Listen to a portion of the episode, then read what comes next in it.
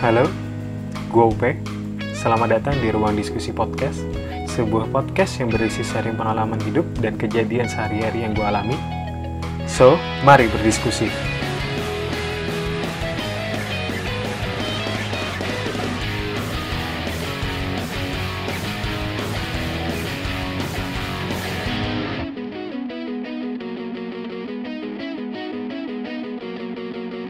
Jadi, gue dulu suka nulis blog.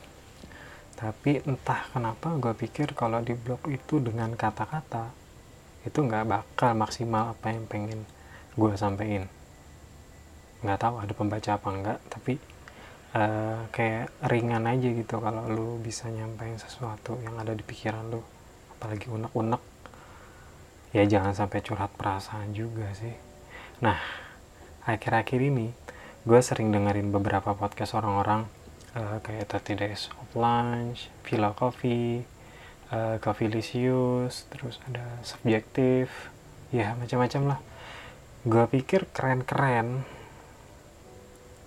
Terus gue pikir kayaknya gue bikin podcast aja kali ya. Apalagi saat ini wabah corona jadi jadi lebih banyak waktu luang gue karena usaha ada yang tutup nggak tutup bangkrut tapi uh, tutup sementara dulu hingga wabah corona ini bakal berlalu. Dan ada juga beberapa usaha yang buka tapi ya sangat berpengaruh impact dari corona ini.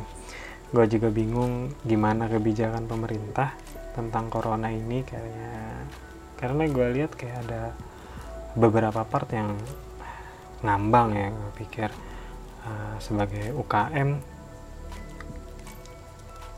gua ngelihatnya ada kayak tebang pilih. UKM kecil dikejar-kejar tapi UKM kalau besar UKM ya namanya.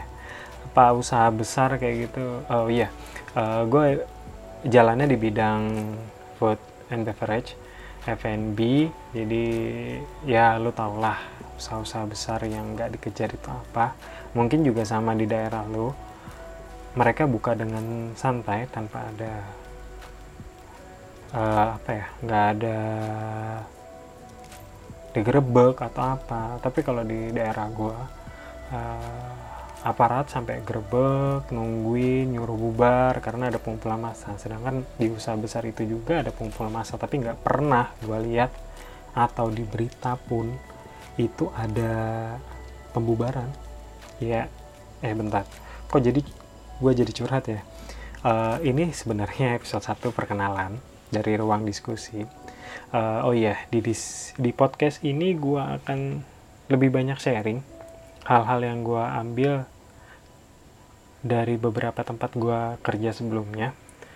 Gue dulu mulai dari SMA udah kerja walaupun cuma jadi joki tugas ya lumayan lah buat nambah-nambah uang jajan. 10-15 ribu kan buat satu tugas lumayan lah buat SMA di tahun 2007 gue SMA sampai 2010 terus masuk kuliah gue lebih sering jadi freelance SBB SPB sales promotion boy. Ya nawar-nawarin produk kayak SPG tapi bedanya nggak pakai baju seksi. Ya, kan lucu aneh kalau cowok pakai baju seksi. Jadi tetap tapi tetap gue lanjut. Jadi joki tugas kuliah di 2010 sampai gue lulus 2014 tarif satu tugas kuliah gue itu 40 ribu. Ya lumayan kan buat makan bareng sama cewek uh, 2010 2014 gue lulus. Coba sana sini 6 bulan nganggur. Coba bikin usaha tapi ya orang tua pengennya gue kerja dulu. Ya udah. Nggak seberapa lama ya setengah tahun gue masuk salah satu bank BUMN nggak uh, usah gue kerja ya ceritanya sekarang. Uh, jadi gue kerja hampir tiga tahun keluar resign bukan dipecat gue resign dengan status pekerja uh, pegawai tetap dengan gaji yang lumayan dengan fasilitas yang lumayan. Terus se sebenarnya sebelum gua masuk uh, sebelum sebenarnya sebelum gua resign gue udah dapat tawaran untuk masuk ke salah satu hotel berbintang sebagai HR staff. Jadi ah gue masuk tapi nggak lama cuma sekitar 5 apa 6 bulan gitu gue resign lagi.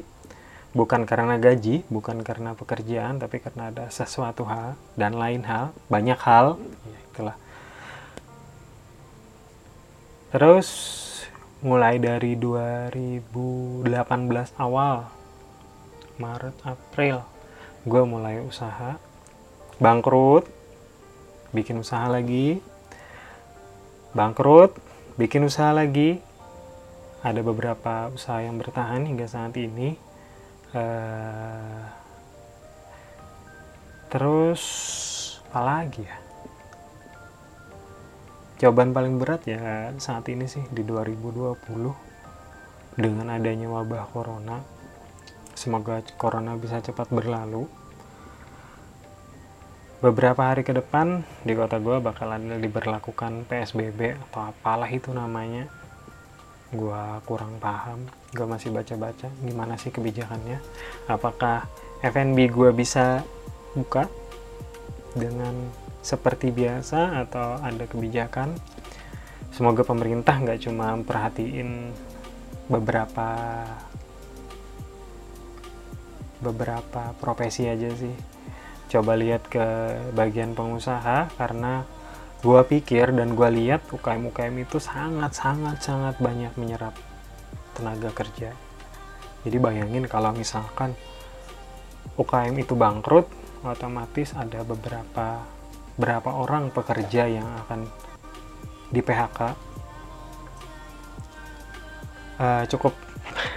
Nanti aja lagi curhat ya itu aja perkenalan dari gua untuk ruang diskusi podcast ini. Sampai jumpa di next episode ruang diskusi selanjutnya